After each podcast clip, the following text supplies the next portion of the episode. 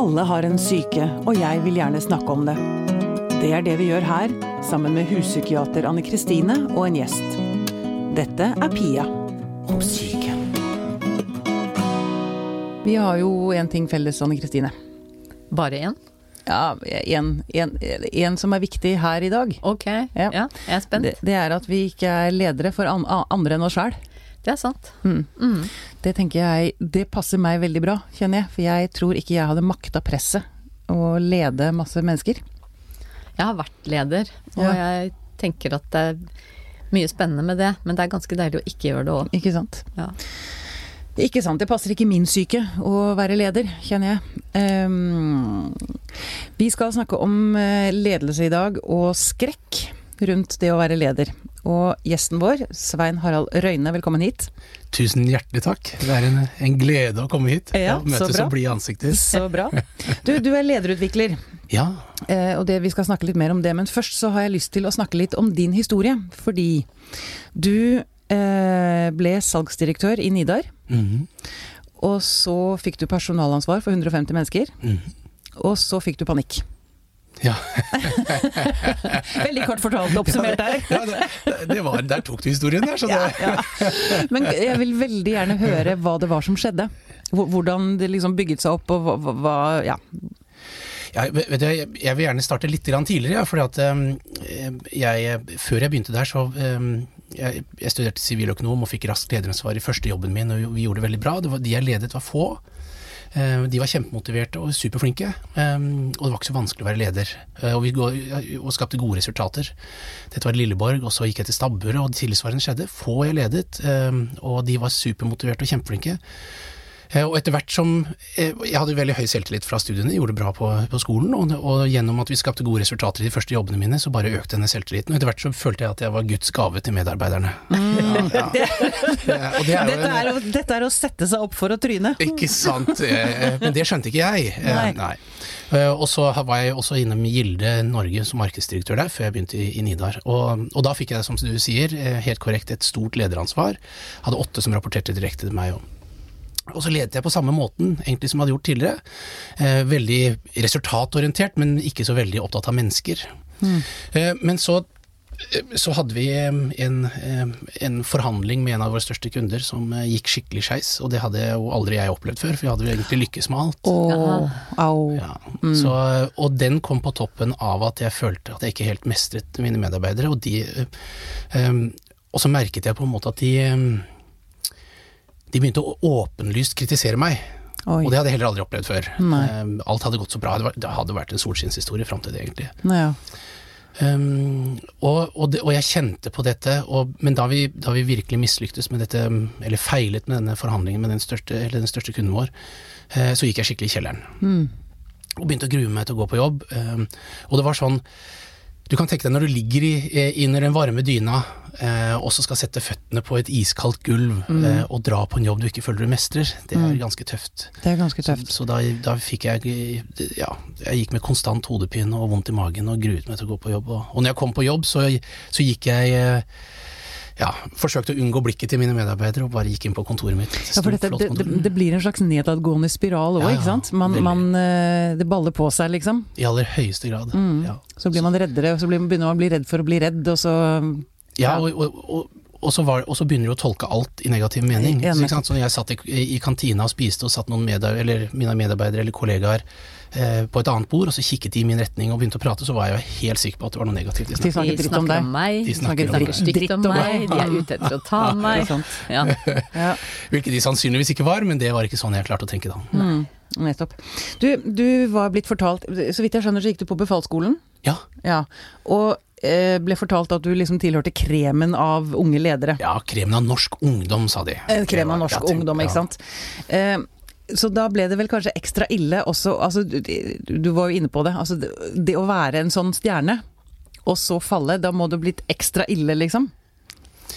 Ja, nå har jeg for så vidt ikke opplevd noe annet, så jeg kan ikke uttale meg om hva, hvordan andre måtte ha det, men i hvert fall for meg så eh, Jeg i utgang, har i utgangspunktet alltid vært bygget opp, foreldrene mine har alltid vært uh, backet meg, og jeg har, alt har gått veldig bra. Mm. Uh, så, så, jeg hadde egentlig ikke møtt noe skikkelig motgang i livet, så dette var egentlig Nei. første gangen jeg møtte noe ja, i hvert fall jobbrelatert motgang. Så, og, og fallet føltes eh, hardt og vondt og brutalt. Ja. Du, altså, um, du eh, så vidt jeg skjønner, du snakket med kona di i denne perioden. Men du snakket stort sett om bare helt konkrete problemstillinger. Ja. Du snakket aldri om hvordan du hadde det inni Nei, deg. det er helt riktig. Nei. Tr tror du det er noe som gjelder ledere, eller har det med kjønn å gjøre? Nå ser jeg på dere begge. Ja, jeg, jeg tror det sannsynligvis har mer med kjønn å gjøre enn om ledere. Le lederrollen, ok. Eh, og da kjønn og leder samtidig, da tror jeg det blir ekstra Så Så mann i leder. Ja. Maskulin, eller mannlige ledere er eh, Holder det mer inne enn kvinnelige, kanskje? Ja, altså menn generelt går, de går mindre til lege enn en kvinner. Ja. Og de snakker mindre om følelser, på gruppenivå selvfølgelig. Ja. Det fins jo menn som, som snakker om det òg, men på gruppenivå så er det det at å være leder er veldig ensomt. Ja. Fordi at eh, altså medarbeidere på andre nivåer, de har gjerne noen som er liksom på samme nivå. Som en linje, ja. Mm. Mens når du er leder, så ikke kan du snakke oppover, fordi at da virker det som du ikke mestrer jobben Ja. din, og da vet jo du, du ikke hva som kan skje. Men så kan du ikke snakke nedover heller, for det er både litt illojalt, pluss at du er i en maktrelasjon til de som hører på deg, så de må nikke og smile og klappe deg på skuldra og si at du er flink uansett. Ikke sant. Så ikke sant, hvem skal du snakke med? Mm. Eh, Og da, ja, noen snakker med en ektefelle eller en venn, men det sitter også lenger inne hos menn, altså. Ja. Ja, nettopp. Ja, jeg, jeg, basert på det jeg gjør nå, så sn jeg snakker jo veldig mye om dette her med, med frykt. øh, Og, og det menn frykter mest, øh, basert på forskning til Brené Brown, som dere kanskje Ja. kjenner til, det er jo at menn frykter å føle mest skam knyttet til det å vise sårbarhet, eller vise svakhet. Ja. Menn har jo regjert denne verden siden tidenes morgen, og har jo egentlig definert eh, hvordan, hvordan samfunn skal fungere, gjennom både i, i jobbrelatert situasjon og, og, og på andre arenaer. Altså, Så det å vise svakhet, det er på en måte ikke tolerert, og jeg tror det ligger eh, også som en sånn ja, et lokk over, over eh, både næringsliv og Ja. generelt. Ja. Du- Dessverre. Ja. Litt tilbake til deg. Du holdt på å slutte. Ja, jeg hadde bestemt meg for å slutte. Du hadde bestemt deg for å slutte, men det gjorde du ikke. Hva var det som skjedde der? Nei, jeg- da, jeg- da satt jeg og snakket med kona mi, og så eh, Jeg bor jo i Moss, i byen på solsiden, så vi, det var det du tenkte på. Og da satt vi og, og, og, og, drakk en flaske vin og pratet om dette, og så fortalte jeg henne det at nå, har jeg, nå bestemmer, har jeg bestemt meg for å slutte, at jeg, jeg har blitt forfremmet til mitt inkompetansenivå. Um, og, og, så, og da sa hun noe som egentlig endret hele mitt perspektiv. Da. For hun, som hun sa at dette er første gangen du møter skikkelig motgang i livet ditt. Eh, måten du takler det på nå, kommer til å definere litt hvordan du takler motgang senere i livet. For er det en ting som er sikkert, du kommer til å møte masse motgang, det er en del av å leve. ikke sant? Eh, så du kan gjerne finne deg en ny jobb, og jeg er helt sikker på at du kan finne noe som du stortrives i, og som du, du føler du mestrer. Eh, og jeg støtter deg i det, men hun sa også at du kan jo være modig og se om du klarer å løse dette, eh, den utfordringen du hadde i Nidar. Ja, fordi det vil jo gi deg en ekstra styrke, selvfølgelig. Og så Ja, ikke sant? takler du det, så øh, takler du ganske mye etterpå. Ja, og det, ikke sant. Og, og jeg valgte å gjøre det. Jeg tenkte, og det er jo litt sånn når du, når du føler eh, deg så nede som jeg gjør, eh, og gjorde, så, så mm, er det veldig vanskelig å, å løfte blikket og sette deg selv i og, og få et perspektiv på det, på, på situasjonen din. Altså, det klarte jeg ikke, men hun klarte på en måte å hjelpe meg med det. Um, og så da bestemte jeg meg for å bli. Men jeg engasjerte en coach som hjalp meg videre i den prosessen. Um, Ja. Og, og, og hva, hva gjorde den coachen med deg?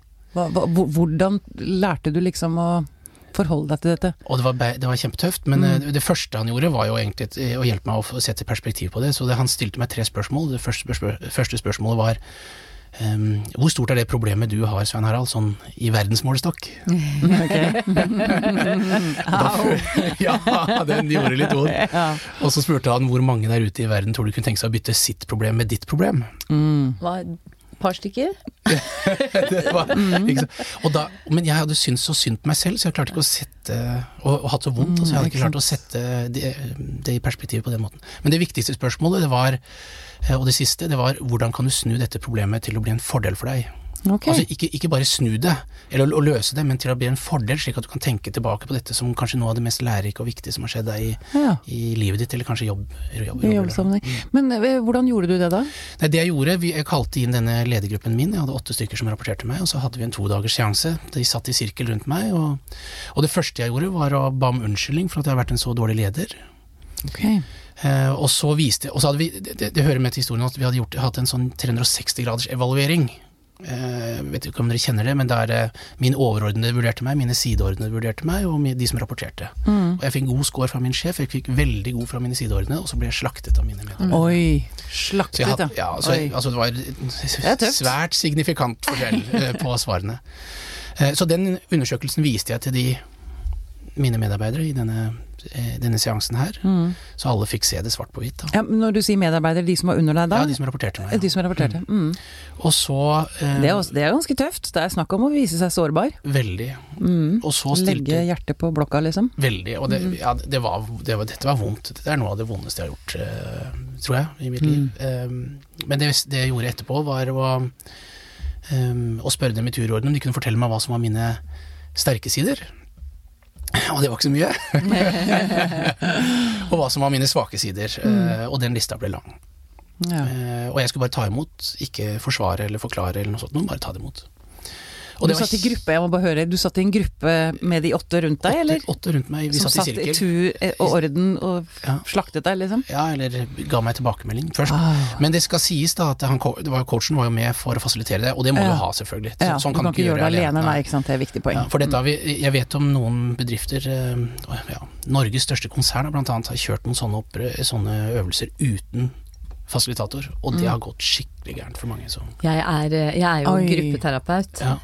Og jeg vil bare understreke det som Svein Harald sier, at ikke start med gruppeprosesser uten å ha noen der som både kan ivareta og fasilitere. Mm. Fordi at altså, mottoet når man driver grupper er at du må aldri åpne opp noe du ikke veit at du kan klare å lukke. Nei, det er helt riktig. Mm. Må ha en trygg som Altså, kan folk- løse opp i floker og Og for, altså folk kan rett og slett gå i stykker eh, etter sånne gruppeprosesser hvis det ikke er noen der som vet hva de driver med. Mm. Så det skal man ha respekt for. Så det høres veldig betryggende ut at eh, du hadde noen med deg. Ja, ja han, var, han var helt suveren i den prosessen. Ja. Um, og så, eh, men um, Men så bra, men og, og ut, fra det, ut av dette, hva, hva kom av det? Ja, det var det som var så veldig bra, men, for, men det hører med til historien at han coachen sa nå eh, Det var to ting. Først, en forutsetning for at de i hele tatt kunne gjøre dette her, det var at alle vil hverandre vel. Ja. Så det var, det var noe han snakket mye om i forkant, Mm. at hvis, hvis, ikke vi, hvis ikke vi gjør det, hvis ikke vi vil hverandre vel, da kan vi ikke klare å kjøre en sånn prosess.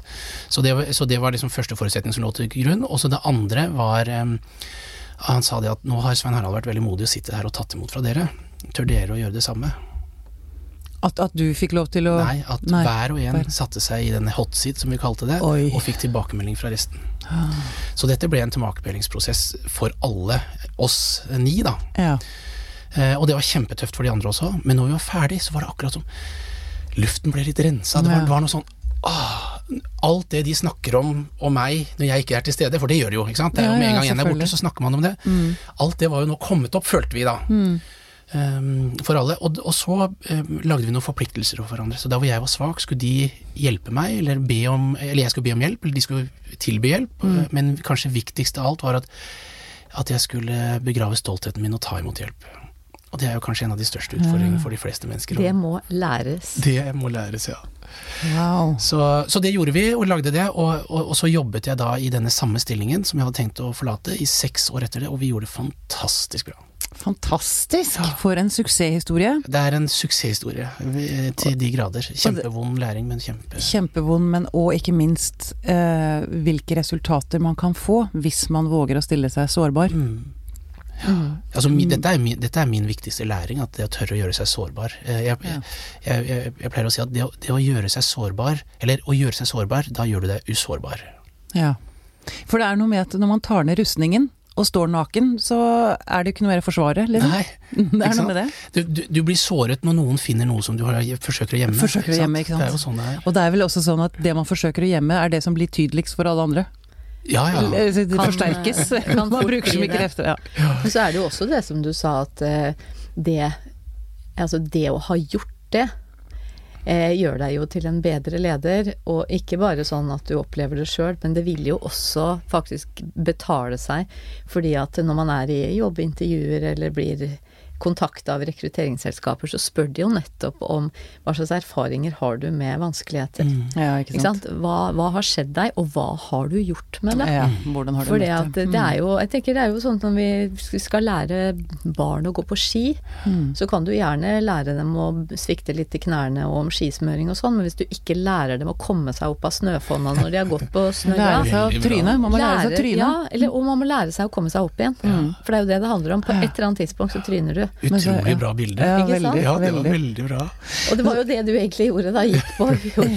Og så hadde, hadde du ikke, du hadde ikke kompetanse til å komme deg opp, Nei, men så klarte Alene. du å skaffe deg den nei jeg hadde ikke klart det alene. Klar, ikke klart alene, nei. Og det er et viktig, viktig poeng. Så tenker jeg også en annen, Et annet bilde jeg får, er dette med trollet som sprekker i sola. Ja. Eh, det er noe med at med en gang man- belyser problemet, så, så får det ikke samme makten. Nei, det gjør ikke så det. Du rense luften, som du sa, ikke sant. Jeg, det. Det er jeg så opptatt av. Altså, Mm. Alt det du forsøker å gjemme, og det blir oppdaget, det er akkurat som noen stikker en kniv inn i hjertet ditt. Ikke sant? sant? Mm. Men, Og det er jo ikke uten grunn eh, dette uttrykket med å komme ut av skapet. Mm. Det er jo litt det. ikke sant? Det er kjempevondt når du ikke har kommet ut av skapet. Så jeg, jeg pleier å si det at eh, vi alle har et eller annet skap vi burde komme ut av. Eh, Ja. På en eller annen måte. Ikke. Som ville gjøre oss mye tryggere. Lederskapet, uff. Det hørtes jo litt Lederskapet. Kom ut av ut av lederskapet. Kom deg ut av lederskapet, Jeg ble litt dobbel. Jeg synes det var fint, ja. Ja, det. Det Kan jeg få lov å bruke den? Ja, vær så god. Vær så god. Skal si at det er Anne Kristine som kom med den. Ja. Ja, ja, ja. Ok, men du. Um, eller dere. Én av fem ledere er redde på jobben hver uke.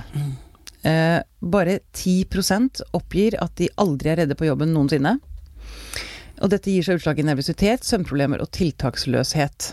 Um, det er ganske mange ledere som har det ganske vondt der ute, ser jeg her. Um, hva er det man er mest redd for? Du hva, jeg, jeg tror det er flere ting basert på, basert på det jeg har erfart. eh, Så er det jo flere Jeg, jeg, jeg har forsøkt å dele inn i, i, i forskjellige frykter, jeg, og, og, eh, og den første og største frykten vi mennesker har, er egentlig frykten for avvisning. Eh, Ja. Og jeg tror det, den. Også, eh, og den andre frykten, det er å bli avslørt. At du faktisk ikke er god nok, eh, og at det er bare flaks, kanskje det du har oppnådd. Eh, og den tredje frykten er det å miste noe du allerede har. Eh, Frykten for å miste jobben, vennskapet, kolleger, eh, rykte. eh, Ja, ikke sant. Rykte, det er jo viktig. Ja. Mm. eh, Latterliggjort. Mm. Det, det, er, jo, det er jo kjempefrykt i forhold til hersketeknikker, det brukes jo rått for det. Og, Mm. så det ukjente, det er den femte frykten jeg pleier å, å snakke om. Som, Ja. så, men det er, det er masse frykt som vi mennesker har, og som vi kjenner på daglig. Som, tror jeg i hvert fall. ja. Hva du tenker? Jo, jeg syns det høres veldig, altså veldig fornuftig ut, eh, det du sier med, med de, de fryktene. Og så, så tenker jeg at eh, det jeg kan føye til, er nok ikke en frykt, men, men det at det er jo veldig slitsomt å få kritikk, selv om man ikke er redd for det. Ja. Altså, så er, så er det jo Det er jo slitsomt, og det kan være sånn energitappende, og så er det jo å finne den balansen.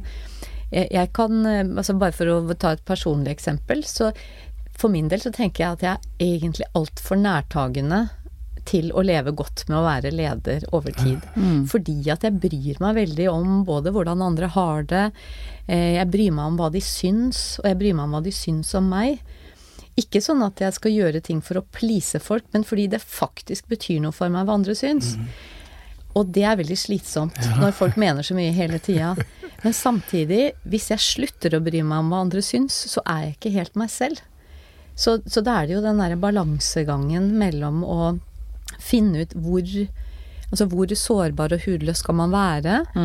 Og finne balansen mellom det å også være Du må jo være tøff og ta upopulære avgjørelser, og du, du blir ikke venner med de du leder. Du vil alltid være i en annen posisjon. Og så, sånn at du må jo på en måte like Altså like den rollen, eller trives i den rollen. Så det å finne akkurat den rette balansen, og de som finner den balansen, de trives godt med å være ledere over tid. Men, eh, men, det, men jeg tenker, det handler jo Ja, kanskje, ikke sant, Du har det jo elementer av de, de fryktene du nevner inn i dette. Men eh, det er ikke til å undervurdere. Det er slitsomt å være leder. Ja, det er Ja, jo det. det er Og, det. ikke sant, jeg har jo lest om da, sant, ledere som etter en stor presentasjon går på do og hylgriner fordi de har vært så nervøse, ikke sant. Eller jeg leste om en som måtte ta en øl før hun skulle inn i en eller annen stor mm, konfrontasjon eller en. Ja, ikke sant. For i det hele tatt takle yrkeslivet. Mm. Eh, Altså, da begynner du å gå veldig langt. Altså, det, det må jo være ufattelig slitsomt. Og så er det dette med at de er redde, som vi, var så vidt inne på det i sted, redde for å snakke om det. Det som vel er skummelt med det å være leder, er at du har en makt, eh, og eh, at, eller at du eh, blir oppfattet som svak, og ikke i stand til å ta avgjørelser og sånn, hvis du eh, forteller om at du er redd. Og, og det er jo, der er du i en vanskelig situasjon. Du er i en skvis, liksom. Ja, du er i en vanskelig situasjon hvis, eh, hva, skal vi si, rammene er at å vise svakhet ikke er bra. Mm. Og det er definert eh, i veldig stor grad i næringslivet i dag, at Mm. det å vise svakhet er ikke bra. Men hvis du tar vekk den og sier at er, jeg, mener jo det er, jeg mener jo du er mye sterkere hvis du tør å innrømme at dette har jeg ikke greie på, Mm. her trenger vi hjelp. Men hvis du later som, da, er det jo plutselig, da gjør du deg veldig sårbar, for vi, det er veldig lett, eh, blir veldig lett gjennomskuet eh, når man forsøker å være noe mer enn det man er. Ja. Og du kan tenke deg, Man sitter jo i glasshus som ledere, og, og du har argusøyne på deg hele tiden. Mm. Så, eh, så jeg, jeg personlig så tror jeg på at ledere som er ydmyke og sier at 'dette vet jeg ikke noe om, la oss finne ut av det sammen', Mm. er mye sterkere enn de som forsøker å hva skal vi si, skjule dette. Ja, Peter, altså, dette med mm, eh, åpenhet rundt psyken er jo blitt vanligere og vanligere sånn generelt i samfunnet, men det har ikke helt nådd leder, lederne ennå. Det er ganske mye skam Ja. forbundet med å vise nå sier jeg svakhet i anførselstegn. Ja. For det er jo faktisk kanskje egentlig en styrke Jeg- å fortelle om det. Jeg mener det. Mener det. Ja, jeg mener jo definitivt å tørre å vise det. det er jo, la oss ta et eksempel. Da. Hvis det, det mest, eller en, en, en, et bilde på det. Hvis det menn frykter aller mest, Mm, det er å vise svakhet, mm. ja, da må det modigste en mann kan gjøre, være å vise svakhet. Ja, ikke sant. Så da er det ikke det å hoppe i fallskjerm eller noe sånt, det er faktisk å gå inn i seg selv og tørre å vise hvem du er på innsiden, og vise at du ikke har det, Mm. at, at dette, dette kan du frykte. Mm. Og, og i de aller fleste tilfeller så oppfatter jeg at de lederne som åpner seg sånn overfor sine, eh, sin organisasjon, de blir møtt med både forståelse og litt sånn Ja, Mm. det blir tatt godt imot. Det vil jo alltid være noen som vil utnytte det, men likevel. Ja, ja. ja, men er det noen farer forbundet med å vise svakhet som leder? Det er vel det òg, Ja, altså, og, og det er jo det, for jeg tenker at eh, jeg er helt enig med deg at de fleste, det, altså, de fleste mennesker vil hverandre vel. Og de fleste vil ta imot åpenhet og sårbarhet. Men det er jo alltid den risikoen at det er noen som faktisk ikke ønsker deg vel. Eh, og da gjør man seg jo sårbar for at noen, noen veit hva du frykter og kan, altså kan såre deg. Mm. Men det er jo veldig sjelden at man liksom dør av det. eh, men det kan være, det kan være vondt. Ja. Det er ikke farlig, men, eh, men det, er, eh, det er jo smertefullt å oppleve og erfare at noen ønsker av en eller annen grunn Folk har jo sine grunner til å ødelegge for deg. Mm. Men da handler det jo gjerne om eh, Altså, da kan det jo handle om dem, men det kan jo gjøre like vondt for det. Ja. For vi har jo så vidt uh, vært innom det i en episode tidligere her, det med hvis man er tett på noen som har f.eks. ganske sterke psykopatiske trekk. akkurat, det var akkurat dit jeg også ville. Og det er jo en overrepresentasjon av det hos ledere. Ja, eller altså at Ja, det snakka vi jo om i den episoden, at det å ha noen trekk kan jo bidra til at du kommer lenger. Altså at du er villig til Ja, å gå over lik, da, for Mm. å bruke den metaforen. Mm. Eh, så, så ved å gjøre seg sårbar, så gjør man seg jo sårbar for den gruppen ja. mennesker òg. Det er jo ikke sikkert det er så mange av dem, men eh, man, man gjør jo det. Så det er en risiko. Eh, men hvis man vil være leder, og være en god leder, så tenker jeg at man må være villig til å ta den risikoen. Mm. Jeg pleier å si, hvis noen påpeker at jeg har en svakhet, eh, hvis jeg har kommet ut med den selv, og noen prøver å pirke i den etterpå, så sier jeg ja, og så da? Ja, ikke sant. Jeg har jo sagt det. Mm. Jeg er ikke god på det. Og, og da på en måte føler, da føler jeg meg egentlig mye sterkere enn om noen pirker i det og jeg ikke har sagt noe om det. da. Så, Mm. så, så, så jeg hele tiden forsøker å snu dette til noe positivt, eh, fordi jeg tror det Selv om du møter da de som har psykopatiske trekk eller osv., og så videre, så eh, men de, men de er veldig De er jo et spesielt spesielt, eh, en spesiell utfordring å jobbe med de uansett Absolutt. om du har vært åpen eller ikke. Ja. Det er helt sant. Ja. Ja. De, de, er, de tar deg og forsøker å ta deg uansett. Så. ja, så da kan det hende at du er mer trygg når du har vært åpen, enn når du forsøker å skjule noe, og de er redd for at de skal finne det ut, eller Mm, mm. bruke det mot deg. Mm. Det gikk en, en debatt, eh, det var vel i Dagens Næringsliv for noen måneder siden, dette med ledere og empati. Medmenneskelighet. Det er, sånn, det er ganske sterke eh, både mot og for det å være en empatisk leder. Hva tenker du om det? Er det en fordel? Jeg mener definitivt det er en fordel. Eh, og jeg, dette kjemper jeg hardt for, for at lederne skal vise empati overfor sine medarbeidere. Um, for um, vi, er, vi jobber med mennesker som har masse utfordringer. Vi er 24-timers mennesker. Vi opplever ting både hjemme og i jobbsammenheng og alt sammen. Og dette skal henge sammen. Og, og som leder, hvis man da ikke har den evnen, så tror jeg du kan miste veldig mange folk på veien. Eh, Dyktige folk, kanskje, eller mennesker som er en ressurs, men som kanskje går igjennom en vanskelig periode. Lite, så, jeg, så jeg mener at det å ha empati og se sine medarbeidere Og det, sant, det viktigste behovet mennesker har, er å bli sett. Um, og en leder som ikke ser en medarbeider, ikke har den empatien, um, vil, vil ta fra kraften eh, i den personen, tror jeg, veldig lett. Mm. Vi er veldig vi er, vi er, De aller fleste er veldig opptatt av at eh, man blir sett av sin leder. Da. Ja, ja. ja. Og det gjelder jo faktisk også Det er gjort noen undersøkelser på dette med å, eh, ikke sant, å utfordre den myten om at hvis du har psykiske helseplager, så har du ikke noe på jobb å gjøre. Altså Det er jo tvert imot. At det som er gjort av undersøkelser, viser jo det at hvis du har psykiske helseplager av, i en periode, eller hele tida, og har en leder som legger litt til rette, at kanskje kan du komme litt seinere på jobb, eller gå litt tidligere, eller, Eller sånn. ha hjemmekontor Eller ha hjemmekontor perioder. Eller, innimellom. Mm, mm. Eh, De lederne som, eh, som legger til rette for det, de får jo mye mer lojale medarbeidere. Ja, som aldri er borte pga. forkjølelse, Som aldri skulker. eller aldri skulker. Aldri tar seg en tredagers. Nei, de kommer på jobb så sant de, så sant de kan. Ja. Så det også er jo noe som vi trenger mer av. Altså øh, å øke kunnskapen til ledere om psykisk helse. Mm. Sånn at man ikke tror på fordommer og myter. Mm. Men jeg, jeg, jeg kan jo kjenne på det selv.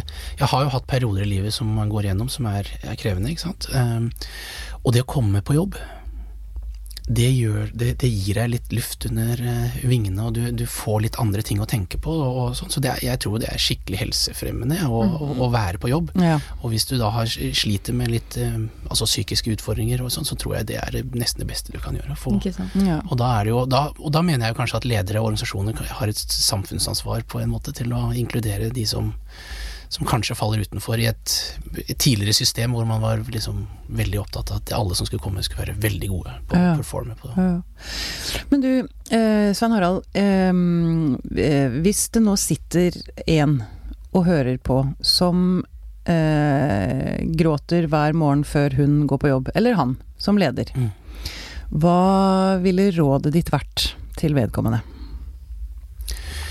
Ja, for det første, jeg ville jo snakket med min nærmeste overordnede hvis det den personen um, er tilsnakkende, med mindre det er en årsak til at du er uh, i den situasjonen. Eller så ville jeg gått til en personalavdeling og så forklart situasjonen. Og så, eh, så det er jo litt hva som er årsaksforholdet, det det. ikke sant. Man Mm. må jo finne ut av det. Det er kanskje det første, eh, hva som er årsaken. Unnskyld at jeg nå avbryter, jeg tenker på at det var, jeg kom på det du sa i sted, dette med å få litt sånn perspektiv. Mm. Fordi man så ofte sauser seg inn i sine egne negative tankemønstre. Ja. som gjør at man ikke ser klart i det hele tatt. Og det er ikke sikkert at Um, at det er At løpet er kjørt, liksom. Absolutt ikke. Det, det tenker jeg er viktig å, å si. Mm. Det, er du enig? Ja, veldig. Og, og det kommer jo mange til meg eh, i sånn coaching-øyemed for å diskutere leder, sin ledersituasjon, og, og da er det ofte konflikt med sin nærmeste leder som er, som er en utfordring. Mm. Eh, og, og da er det litt forskjellig. Noen har jeg gått inn og kjørt en, en, en mm, prosess samme som jeg selv ble eh, hva skal vi si, utsatt for, eller skal vi si, kan vi bruke det uttrykket? Tilbudt. Tilbudt. tilbudt. Det er heldig, heldig å bli tilbudt, ja. Um, eller, så, um, eller så diskuterer vi uh, hva kan du gjøre, og hvordan kan du uh, hva skal vi si, bruke både nettverk, organisasjon, og hvem kan du Mm. bruke for å styrke deg. Og så jobber vi mye med å finne den indre styrken selv, da. Det er Ja. viktig. Nettopp. Men det kan være veldig fint det å ha tilhørighet også til et ledernettverk. Ja. Fordi at om Ja, andre ledere i andre Ja, bedrifter, andre- tenker du? Ja, andre Mm, steder. Ja, nettopp. Fordi at uh, det er jo ikke alltid det er så lett å snakke med nærmeste overordnede hvis det er en del av problemet. Mm. Men det å snakke med noen som kan sette seg inn i situasjonen din, Ja, men som jobber et annet sted, Mm. som kan forstå, eh, kan kanskje hjelpe til å få litt bedre perspektiv. Så det jeg anbefaler eh, alltid jeg folk som går inn i ulike typer lederjobber, at eh, se om du har noen du kjenner eller kjenner til et annet sted. Mm. Og så gjør dere en avtale om at dere er kollegaveiledere for hverandre. Ja. Sånn at står du oppe i en vanskelig situasjon, så har dere en avtale om at da kan jeg ringe til deg, Ja. og så når du, du står oppe i noe vanskelig, så ringer du til meg. Mm. Og så fins det faktisk ganske enkle sånne Sånn som man kan lære seg sjøl, sånne metoder. Sånn at man ikke avbryter hverandre og kommer med råd for tidlig og sånn, men at man faktisk lytter eh, til hverandre først. Og så kommer med litt sånn oppklarende spørsmål. Og så kan diskutere, og så faktisk gi hverandre oppgaver. Mm. Altså fram til neste gang vi snakkes nå, så skal du ha snakka med lederen din. Og da blir det en sånn forpliktelse i det, så da er det lettere å komme seg videre istedenfor å fortsette å ligge i senga under dyna og grue seg. Syns jeg er veldig godt råd. Jeg holder mange lederkurs, og på lederkursene, det jeg, jeg gjør der etter For ofte kan en sånn lederkurs bli veldig så inspirerende der og da, og så drar man, og så blir det ikke noen endring. Og det er jeg veldig opptatt av at eh, for de som har jobbet to og to sammen på kurset, at de jobber sammen etter kurset og følger hverandre opp på de utfordringene de har. Ja. Og da får de på en måte mye mer effekt av et, et kurs. Med å ha noen å eh, snakke sammen med, spare med, Ja. og diskutere de utfordringene som kommer. Nettopp. Så det syns jeg er en kjempegod idé. Ja, veldig bra.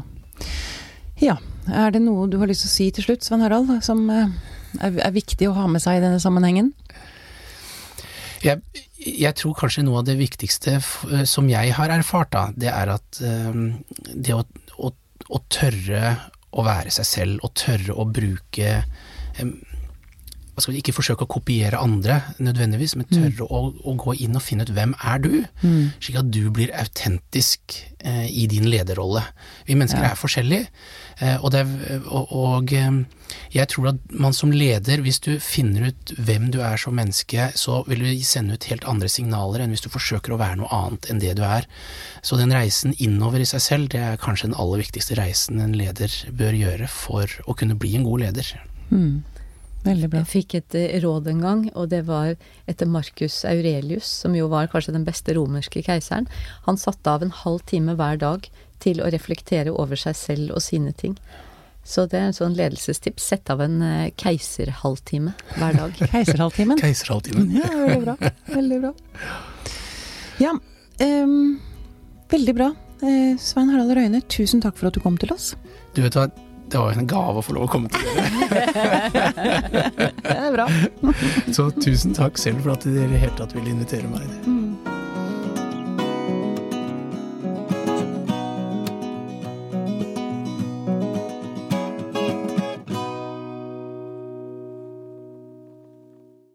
Denne Podkasten er produsert av Tid og Lyst.